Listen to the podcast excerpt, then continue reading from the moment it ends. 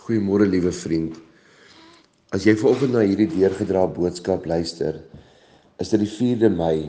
Jy moet jy weet, het die Here vir jou vir nog 'n nag en nog 'n naweek deurgedra. Dit is ongelooflik om dit te kan weet.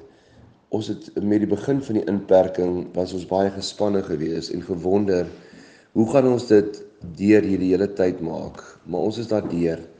Ehm um, amper daardeur en ons kon nie dink dat ons dit so lank al kon maak nie. Ek wil vandag vir u ehm um, vertel, ons is besig met die Josef verhale. En wat ons ongelooflik leer uit Josef se lewe was dat ongeag ehm um, wat met ons se lewe gebeur het, die arrogante jong man toe hy nog 'n jong seun was, dan verder gaan hy ehm um, word hy verkoop, eers geslaan deur sy broers, in 'n droë put gegooi en dan aan die Ismaelitiese handelaars verkoop. Daar gaan dit aanvanklik met hom baie goed in Egipte en dan word hy in 'n tronk gegooi en gaan sit hy vir langer as 2, 3 jaar in 'n donker gat. Dan lees ons vriende hoe hy verder daar uitkom. Ehm um, en hoe hy aangestel word op die ou end as tweede in bevel van die hele Egipte.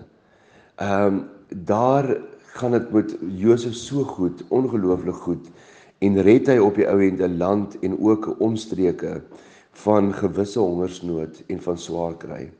Josef kry alles. Hy is net nie die farao nie, maar hy is in tweede in bevel van die land. Vriende, die belangrike les wat ons vanoggend uit Josef se verhale kan lees, is dat ons kan dink by onsself, maar die Here is met ons op sekere tye net as dit goed gaan. Maar vriende, dis bloot net die vaar nie. En die les wat ons vanoggend lees is 'n leer is dat jy kan nooit ehm um, God se liefde vir jou kan jy nooit meet aan hoe dit met jou gaan nie.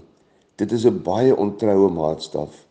So as jy ver oggend miskien in 'n donker gat sit of in haglike omstandighede of dit met jou uitstekend goed gaan, is daar mense wat hierdie gebruik as 'n liniaal of 'n maatstaf van hoe go goed God in jou lewe is en hoe lief hy vir jou is.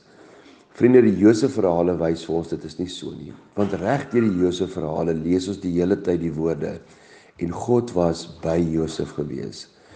Vriende, God se seën in jou lewe beteken nie dat dit met jou goed gaan nie. God se seën in jou lewe beteken dat dit God met jou saamgaan. Dat hy by jou is, dat hy in elke omstandigheid jou hart ken en weet waar jy is. Maar dis dikwels en daardeur is ons nie masogiste nie.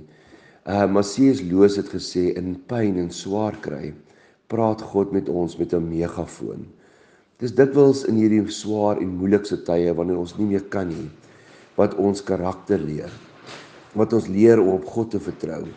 Wat ons leer vriende om dat God die hele tyd met ons is en dat deur ons lewensverhale sy God was met hom ook soos 'n goue draad deur jou lewe loop. Mag jy in hierdie oggend daarin vashou en mag jy weet dat ek en jy dikwels voorberei word in hierdie moeilikste omstandighede om God se beeld en die karakter van God al hoe meer in ons lewe te vergestalt.